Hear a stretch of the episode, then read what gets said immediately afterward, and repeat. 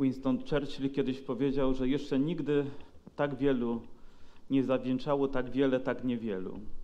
Powiedział to o wojnie, która toczyła się między Anglią a, a Niemcami, a w zasadzie bitwie o Anglię tak zwaną i mówił o garstce lotników, którzy w porównaniu z całą armią, którzy dzielnie walczyli nad kanałem La Manche, chroniąc wybrzeże Anglii przed inwazją niemiecką.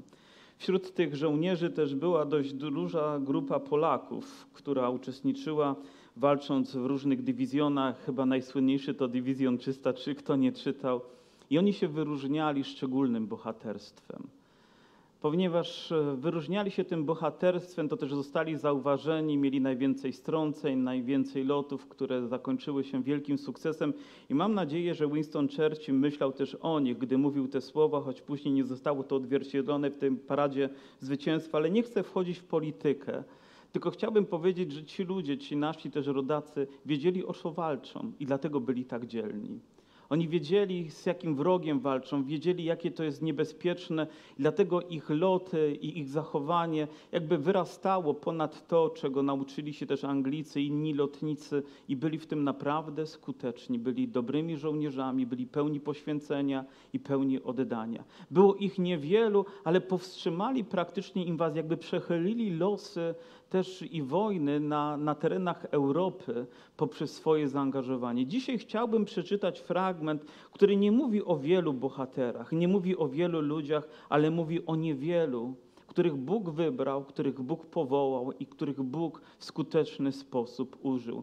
I znajduję też w tym fragmencie jedno z najdziwniejszych słów, jakie Bóg wypowiada, ponieważ to jakby burzy koncepcję nas, ludzi, którzy próbujemy własnymi środkami, zdolnościami i zasobami coś uczynić. Historię tą znajdujemy w Księdze Sędziów w rozdziale siódmym. Jest to kontynuacja całego cyklu na temat historii Gedeona, czy powołania, używania Gedeona. I od wiersza pierwszego tego rozdziału czytamy takie słowa. Jeroboal to jest Gedeon, ponieważ został tak nazwany, pamiętacie, bo to jest ten, który miał odwagę przeciwstawić się Baalowi, ściął słup, zburzył, zburzył pomnik, zburzył ołtarz, który tam był na, na posesji jego, jego ojca. I dzięki temu też Bóg później dalej go używał, służył runo nawet przed Bogiem i Bóg odpowiedział. I w tym momencie historia toczy się dalej. To jest Gedeon wraz z całym swoim zastępem wstał wcześnie rano i rozłożył się obozem u źródła Harod, zaś obóz Midianczyków miał na północ od wzgórza More w dolinie. I rzekł Pan do Gedeona. I tutaj znajdujemy te słowa, które mnie zadziwiają. Zaliczny jest przy Tobie zastęp, abym wydał Midianczyków w ich ręce, bo Izrael wynosiłby się ponad mnie, powiadając, sami się wybawiliśmy. Oczywiście mamy też odpowiedź na to, dlaczego Bóg mówi, że zaliczny jest ten zastęp, ale oto wiemy, że, że Jeroboal, Gedeon, ogarnięty przez Ducha Bożego, zaczął dąć w trąbę i na ten zew odezwało się wiele tysięcy ludzi, którzy przyszli, aby stanąć u jego boku, by walczyć za wolność, by przeciwstawić się wrogowi. 32 tysiące, jak dobrze liczę, wokoło niego żołnierzy. Nie wiem, czy ta liczba Was e, satysfakcjonuje, ale ja akurat jestem też równolegle w czytaniu czwartej Księgi Mojżeszowej. Wyszedłem z Księgi Kapłańskiej, skoczyłem w Księgę Liczb. I wiecie, co odkrywamy w Księdze Liczb? Sami wiecie, odkrywamy liczby. I na samym początku czytamy, jak to Bóg postanowił przeliczyć wszystkich, którzy są zdolni do tego, by walczyć za Izraela a więc mężczyźni powyżej 20 roku życia, ale zdolni do tego, by trzymać miecz, trzymać tarczę i iść do boju. I kiedy zaczęto podsumowywać każde pokolenie, każdy ród, to liczba ta w każdym niemal pokoleniu była około 30, 40, 50, 60, może nawet 70 tysięcy. Na końcu, doczytajcie, nie będę wam podpowiadał, ta liczba jest naprawdę imponująca. W zasadzie tutaj widzimy jakby dziesięcinę zaledwie tej liczby. A więc czy ta liczba powinna nas satysfakcjonować, czy zastanawiać? Czy to, że przybyło 32 tysiące jest tym wszystkim, na co stać Izrael, czy zaledwie ułamkiem tego, co mogłoby się stać, bo oczywiście czas się posunął, ale ludzi było prawdopodobnie więcej, narodu izraelskiego było więcej, a więc wojowników też powinno być więcej. Dzisiaj, kiedy patrzę też, oczywiście mamy obostrzenia, mamy trudności, musimy dopasowywać się do przepisów, ale gdy widzę 50 czy 60 czy 80 ludzi razem ze strychem, czy powinienem się cieszyć, czy powinienem się smucić jako pastor? Jak myślicie? Czy powinienem mieć radość w sercu, że o, aż 60 osób przyszło powiedzmy ze 160 czy, czy z 200? Czy powinno mnie to zastanawiać? A co z pozostałymi? Dlaczego nie stoją na zewnątrz? Dlaczego nie są na strychu? Dlaczego nie ma ich w innym pomieszczeniu? Dlaczego? Gdzie są? Co się wydarzyło takiego, że nie ma? Oczywiście nie chcę tutaj odpowiadać na to pytanie, bo to jest chyba indywidualna odpowiedź każdego, a zwłaszcza tych, których nie ma. Tutaj nie, nie, nie chciałbym, żebyście w tym momencie wyłączyli komputery i ktoś ekran zamyka, powiem telefon wyłączy, mówi nie będę go więcej słuchać. Proszę, nie róbcie tego, tylko po prostu mam prawo, myślę, że jako pastor zastanawiać się też nad liczbami, zastanawiać się nad ograniczeniami, które są. Czy powinniśmy się cieszyć z tego, że mamy takie ograniczenia, mamy możliwość się spełnić, czy smucić się tym, że nie możemy mieć więcej? Ludzi, którzy powinni być, ludzi wierzących, ludzi kochających Boga, ludzi oddanych bez względu na denominację, bez względu na wyznanie, bez względu na ród, z którego jesteśmy, bez względu na wszystko, powinno nas jednoczyć to pragnienie, by staczać duchową walkę, prawda? A więc myślę, że ta liczba jest duża, ale ona mogłaby być zdecydowanie większa. I poza tym ktoś mógłby powiedzieć, no dobrze, a może nas to bezpośrednio nie dotyka, może to tylko te okolice, gdzie mieszkał Gedeon, może tylko tych rodów to dotyka, ale wiecie, gdy wróg przychodzi, to tylko kwestia czasu, aż się rozprzestrzeni wszędzie.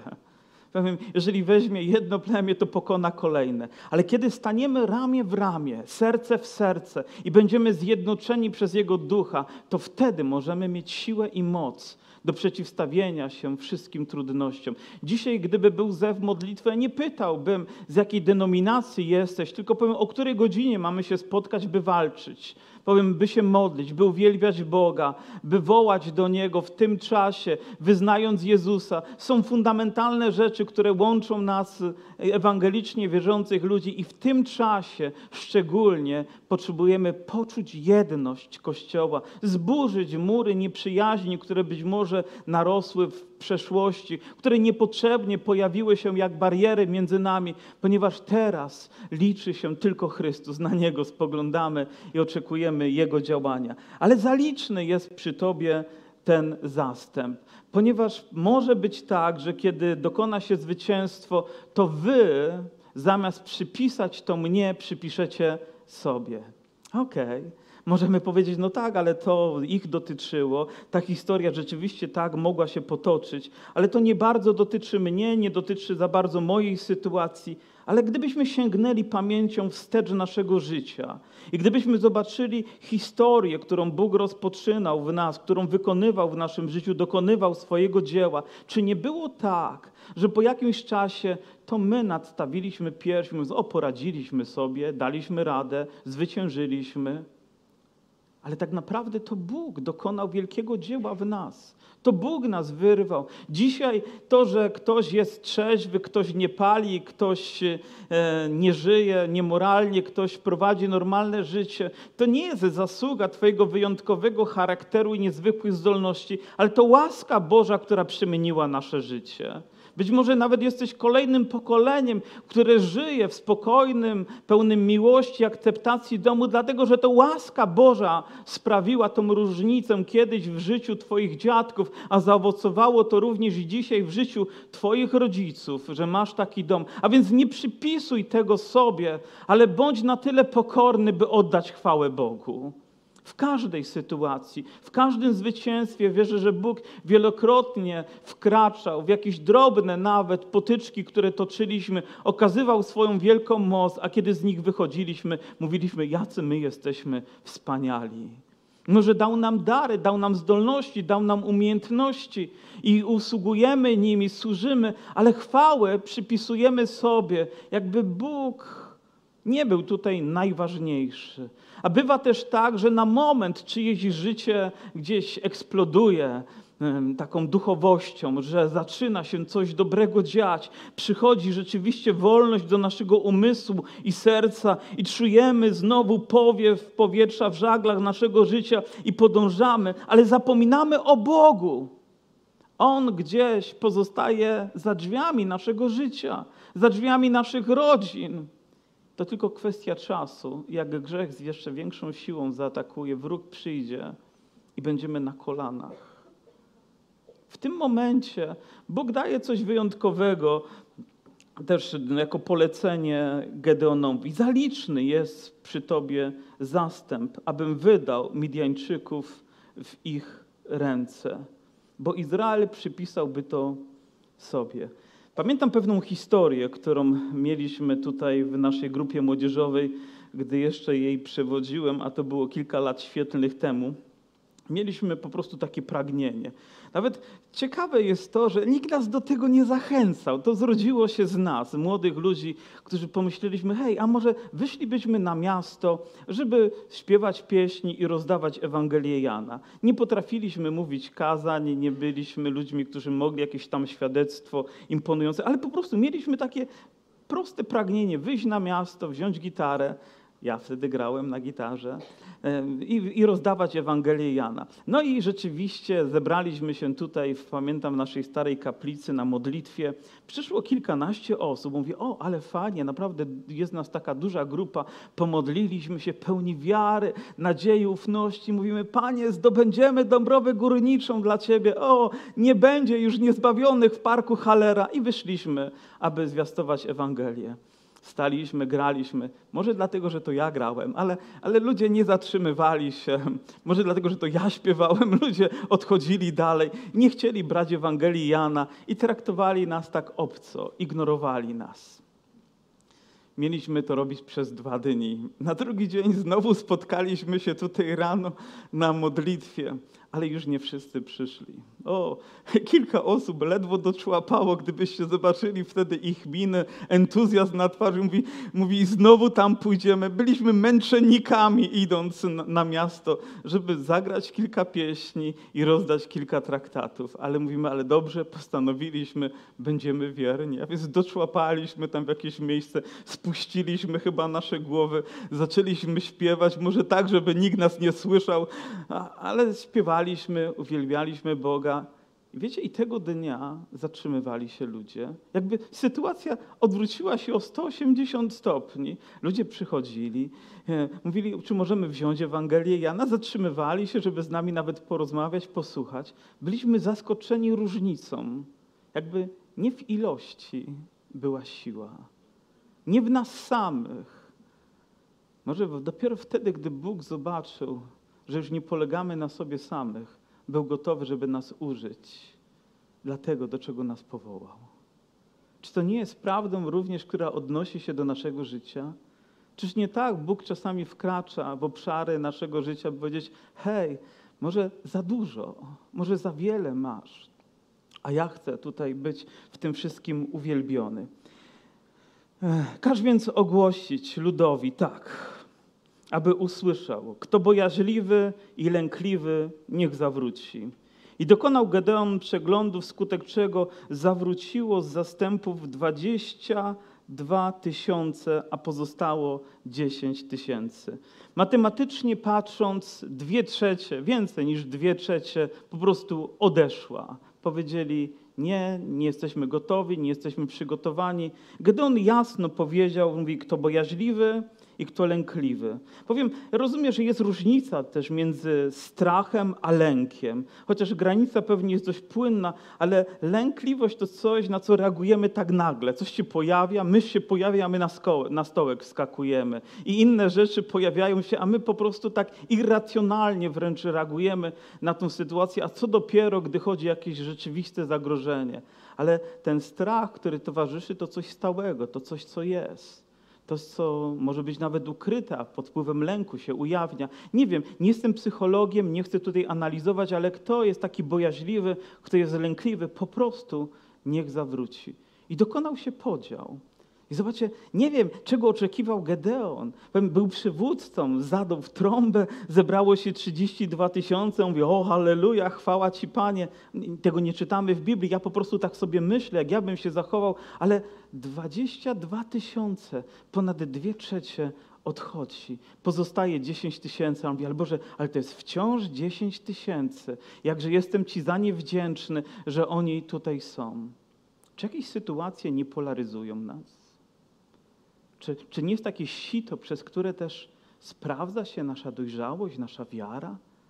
Kto bojaźliwy, kto lękliwy, może nie przekroczy jakiegoś progu. Ja nawet nie wiem, czy w tym momencie powinniśmy tutaj kogokolwiek oskarżać, tak? bo tutaj też Gedeon jakby nie, nie wyrzuca niczego złego w ich stronę, nie mówi to idźcie sobie i nie będziecie mieli żadnego udziału w zwycięstwie. Ja też nauczyłem się w moim życiu, żeby nie palić mostów Czasami ludzie z jakiegoś powodu w tym momencie odchodzą, ich nie ma, ale to nie jest tak, że są moimi wrogami. To nie jest tak, że przestaję ich kochać. To nie jest tak, że przestaje mi na nich zależeć. Czasami po prostu jest mi smutno i czasami mówię, będziemy tęsknić. Może przyjdzie znowu czas, że się zobaczymy, że wspólnie razem będziemy wielbić Boga. I tej lekcji się nauczyłem dość boleśnie, poprzez różne też i doświadczenia, i sytuacje, i też, które dzieją się w życiu Kościoła. Ktoś kiedyś przychodzi i mówi, pastorze, jesteś wspaniały. O, miód na moje serce po prostu. I klepie mnie po ramieniu. Ja jestem w tym kościele ze względu na Ciebie. O, mów mi tak, bracie, ta pieśń naprawdę mi się podoba. A więc serce rośnie, jestem wyjątkowy. Ale później te same osoby mówią, odchodzimy z kościoła. Mówię, jaki jest powód? No i wtedy jedna szpilka i balon pęka. Mówi, z Twojego powodu, bo nas zawiodłeś, bo nas rozczarowałeś, bo nie zrobiłeś tego, czego oczekujemy, bo jeszcze inne rzeczy się pojawiły.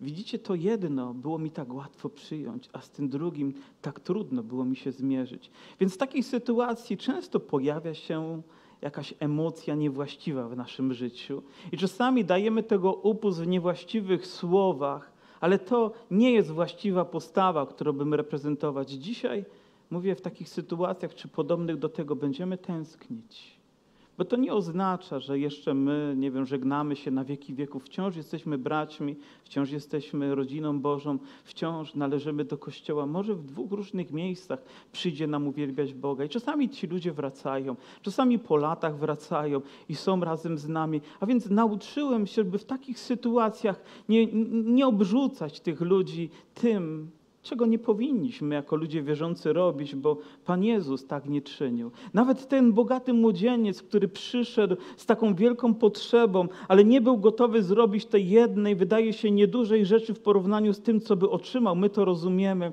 Pan Jezus odprowadził go z wzrokiem jakim? Pełnym miłości. I kiedy Gedeon patrzył na tych odchodzących, mówi, Będziemy tęsknić za wami. Taką mam nadzieję. Ale to Bóg też powiedział, niech oni po prostu odejdą.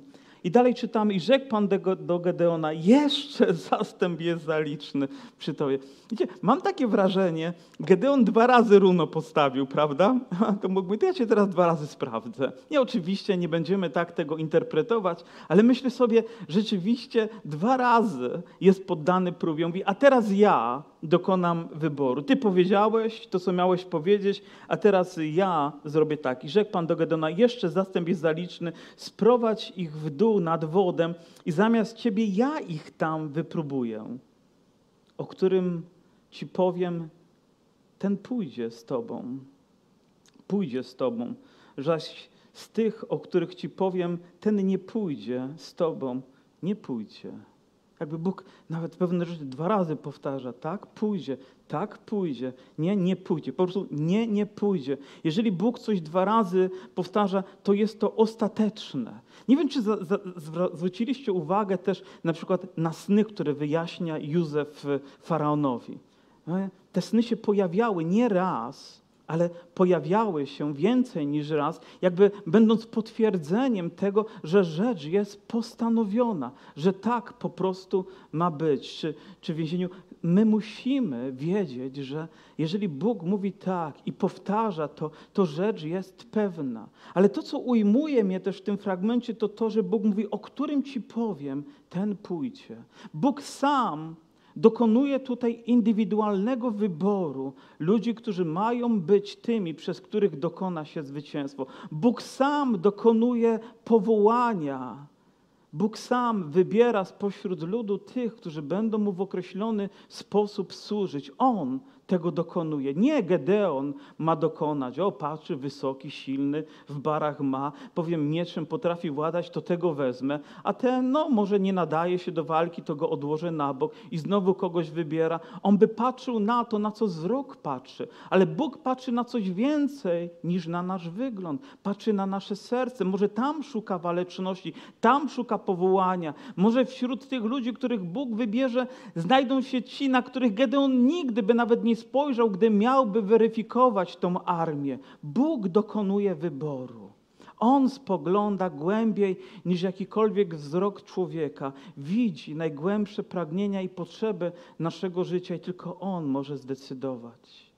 Wiecie, gdy chodzi o nasze nowonarodzenie, to nie jest tak, że gdzieś w tłumie ludzi przecisnęliśmy się między innymi, by stanąć gdzieś tam z przodu i pomodlić się krótką modlitwą i tak po prostu, no niemalże hurtowo zostaliśmy wprowadzeni do nieba. Ale wierzę, że gdy słuchamy Ewangelii, to dokonuje się coś indywidualnego, coś osobistego, coś, co zaczyna nas dotykać, coś, na co my w tym momencie reagujemy całą też naszą duch, duszewnością, całą naszą duchownością, bo wiemy, że to słowo po prostu jest skierowane do nas. Byłem absolutnie, byłem 100%, to nawet nie określa ułamka tego, w jaki sposób byłem pewny, gdy byłem na ewangelizacji i słuchałem słowa. I ja wiedziałem, że nawet gdybym był jedyną osobą, to właśnie do mnie Bóg mówił. Ciekawe jest to, że kiedyś y, czytając książkę Najszczęśliwsi na świecie, wiecie, że czasami powracam do niej, bo jestem tej starej daty już, tak przynajmniej się określam i, i na, tej, na tej literaturze byłem wychowany. I o ile pamiętam, była tam ewangelizacja, która była przygotowana przez Demosza Szakareliana i cały zespół ewangelizacyjny. Wynajęli dużą salę, pandemii nie było, ale prawie nikt nie przyszedł. Sala była pusta. Gdzieś tam w oddali dwie, trzy osoby, które krzątały się przy obsłudze i ewangelista, który przyjechał, żeby przeprowadzić ewangelizację. Ale wyobraźcie sobie, wchodzicie na salę, która ma mieścić, nie wiem, kilkaset, może kilka tysięcy osób i jest pusta. Aleluja. O, już widzę, jakbyśmy tak powiedzieli. Ale on był człowiekiem wiary, stanął za kazalnicą i zaczął zwiastować Ewangelię tak, jakby sala była pełna. On wiedział, że aniołowie tam są, ale nie potrzebują zbawienia, bo oni już są zbawieni. Ale zwiastował Ewangelię i mało tego, oni wszyscy organizatorzy, a było ich tam kilku, spuścili swoje głowy, kiedy zaczął robić wezwanie. I nie dlatego, że w modlitwie trwali, tylko mówią, co on robi? I w tym momencie gdzieś z końca sali, z obsługi, zaczęli wychodzić ludzie do przodu, jeden czy dwie, aby oddać życie Jezusowi. Bóg ma poczucie humoru, prawda? Ale czy nie tak sprawdza się również nasza wiara? Że On indywidualnie nas powołuje, że staje na drodze naszego życia w określonej sytuacji, potrzebie, aby przemówić do naszego serca, po to, byśmy mogli być przy Nim, ale również po to, byśmy mogli wykonać dla Niego Jego dzieło. Nie wiem jak Wy, ale ja chciałbym być tym jednym z tych, którzy zostają wybrani. Są tu chętni. Może to nie jest kwestia naszych predyspozycji, ale otwartości naszego serca na Jego słowo, na Jego powołanie, na Jego zaproszenie. I oto dziwny test, któremu zostali poddani ci ludzie. Mówi, sprowadź więc zastęp nad wodę.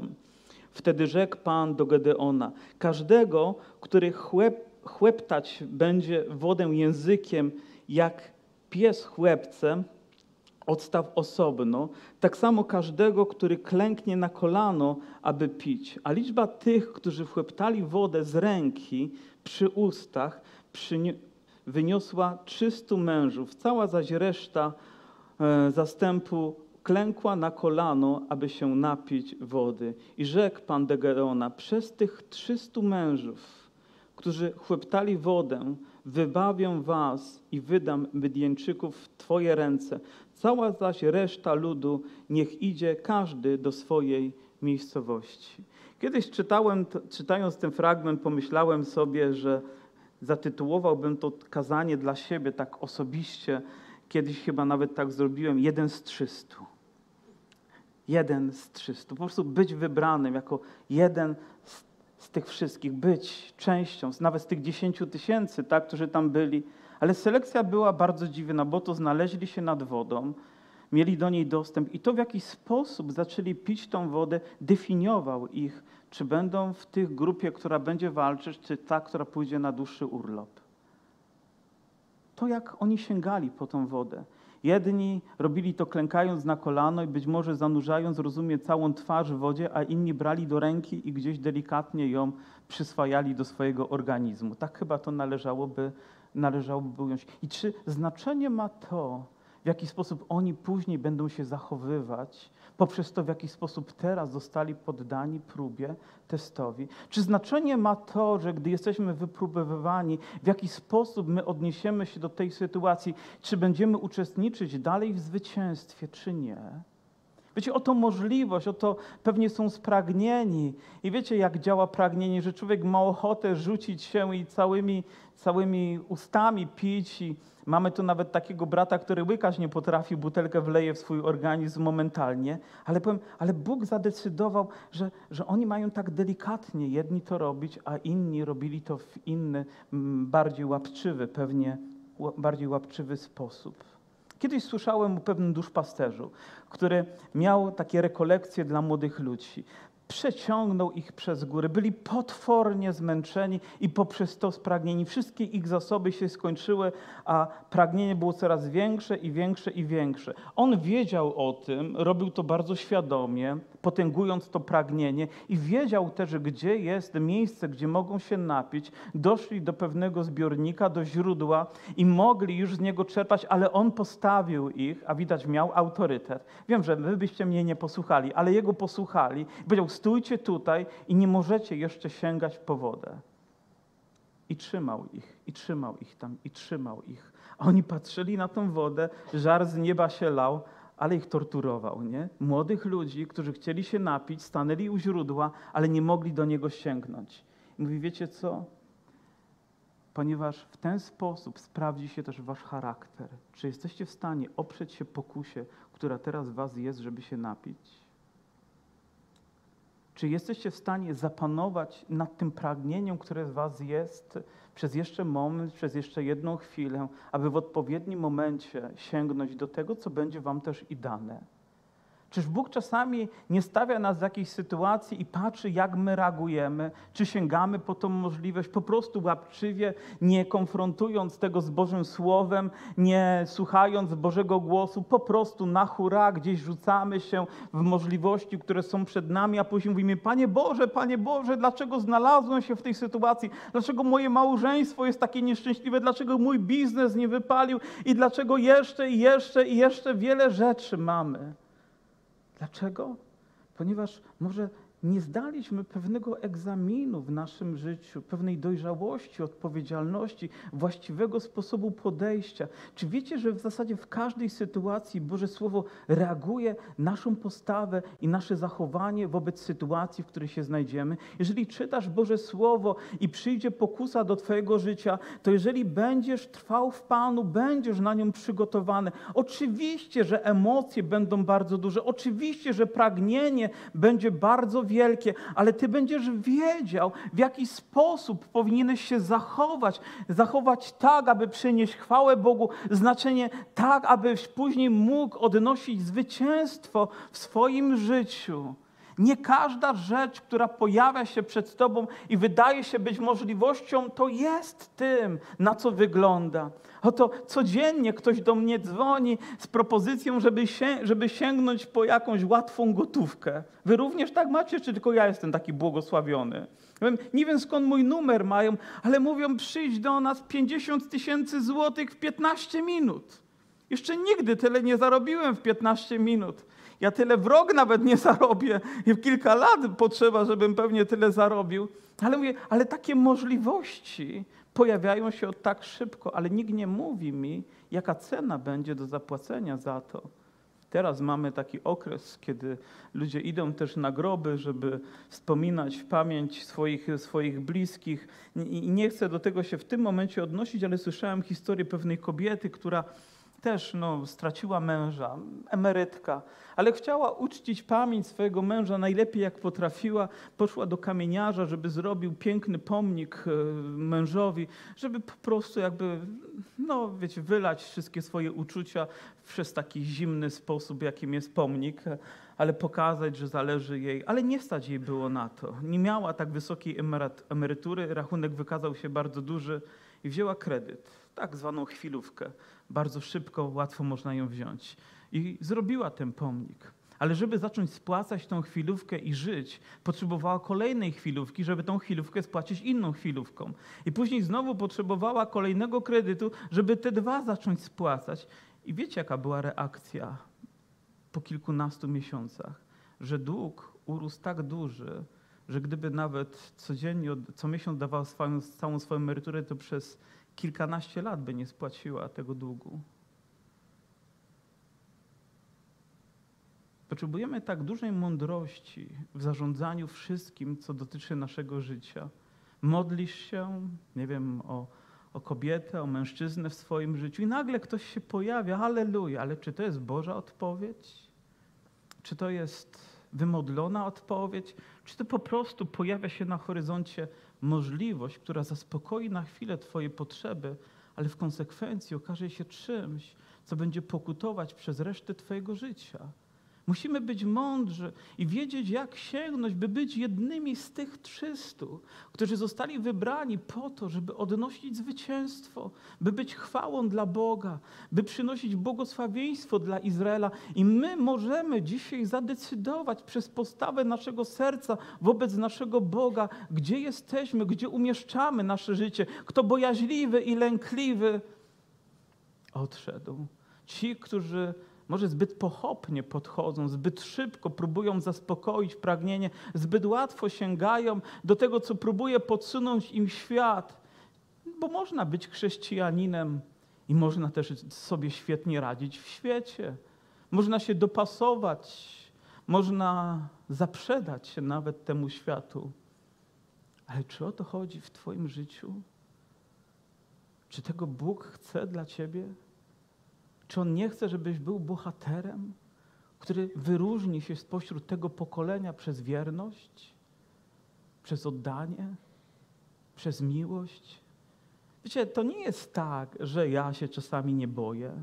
To nie jest tak, że czasami strach nie próbuje mnie dopaść że chodzę i mówię, o niczym się nie będę przejmować, że ja też nie mam gdzieś pod stopami węży, o których wiem, że mogą mnie pokąsać i również zrobić jakąś krzywdę, może jakiś ból zadać. Nie, ja jestem podobny do każdego śmiertelnika, który chodzi tutaj po ziemi i wy wszyscy jesteście tacy sami, jesteśmy podobni, ale są ci, którzy będą to przezwyciężać przez wiarę, przez autorytet, który nam jest dany w Bogu, którzy zaprą się samych siebie, którzy staną w miejscu swojego powołania i będą czekać na Boga. I są ci, którzy będą szli bardzo lekko, nie zważając na nic, którzy łatwo będą z czegoś rezygnować i poddawać się, a więc dokonuje się pewien wybór.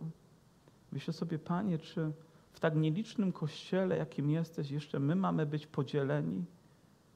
Czy spośród tych wszystkich nielicznych jeszcze mniej może być tych, którzy są wierni? Chciałbym Ci powiedzieć coś, do czego zostałeś powołany. Zostałeś powołany do tego, by być zbawionym człowiekiem i powinieneś powiedzieć chwała Ci Boże, aleluja. Ale zostałeś również powołany do tego, by przynosić Bogu chwałę i być zwycięzcą w swoim życiu. Zostałeś powołany do tego, żeby Mu służyć. Zostałeś powołany z tego świata, by przejść drogę uczniostwa i stanąć w tym miejscu, które jest blisko Boga. Wiecie, kiedy Pan Jezus miał swoich uczniów, dwunastu, On ich sam wybrał. Gdybym był w tym pokoleniu dzisiaj z całą swoją świadomością, chciałbym być jednym z nich. Chciałbym nawet być wśród tych dwunastu, tych, których Jezus szczególnie na korepetycje zabierał, jak Piotra, Jakuba i Jana. Chciałbym z nimi być, ponieważ takie jest pragnienie mojego serca i wierzę, że również wielu z Was ma takie pragnienie, więc pozwól prowadzić się Bogu. Nie sięgaj pochopnie po to, co oferuje Ci świat, ale bądź wierny w tym, do czego zostałeś powołany, a objawi się Jego zwycięstwo. Chciałbym kontynuować dalej tą historię, ale chyba nie mamy na to czasu, a wy nie macie tak dużej wiary, żeby mnie dalej słuchać i nie zasnąć. Ale to wystarczy, by dotknąć Twojego życia i byś Ty albo okażesz się bohaterem, staniesz przed Bogiem, zapierając się samego siebie i możliwości, które są, nie bacząc na to, co powiedzą ludzie. Cię łatwo może przyłączyć się do tych, którzy łatwo rezygnują, ale stań tym, który, zostań tym, który będzie niezmiennie trwać. Niezmiennie, bo do tego zostałeś powołany.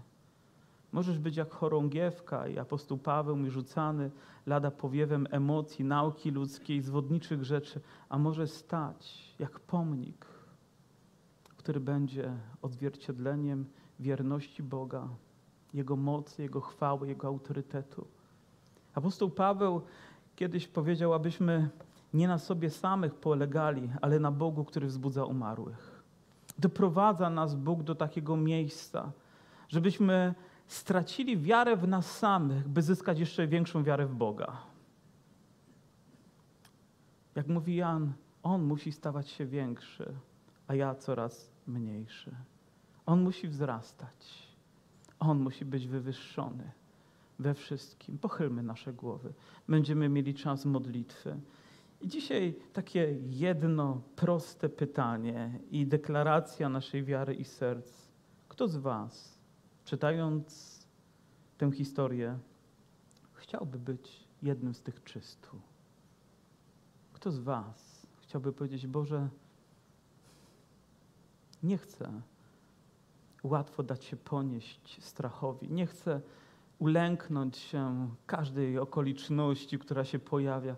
Chcę być Tobie wiernym we wszystkim. Kto z Was jest gotowy czekać na odpowiedni moment, aż Bóg da to, czego prawdziwie potrzebuje Twoje serce, by być zwycięzcą, dochować Mu wierności? Kto z Was? Dzisiaj ma takie pragnienie, chciałbym się z wami pomodlić. Wiecie, tam było z 10 tysięcy 300, więc liczę, że z 50 osób może 3, może 4, może 5 ma takie pragnienie. Podnieś swoją rękę, będę się modlić razem z tobą. Podnieść. Nie musisz tego robić. Absolutnie nie. Nie rób tego dla mnie. Zrób to ze względu na Jezusa.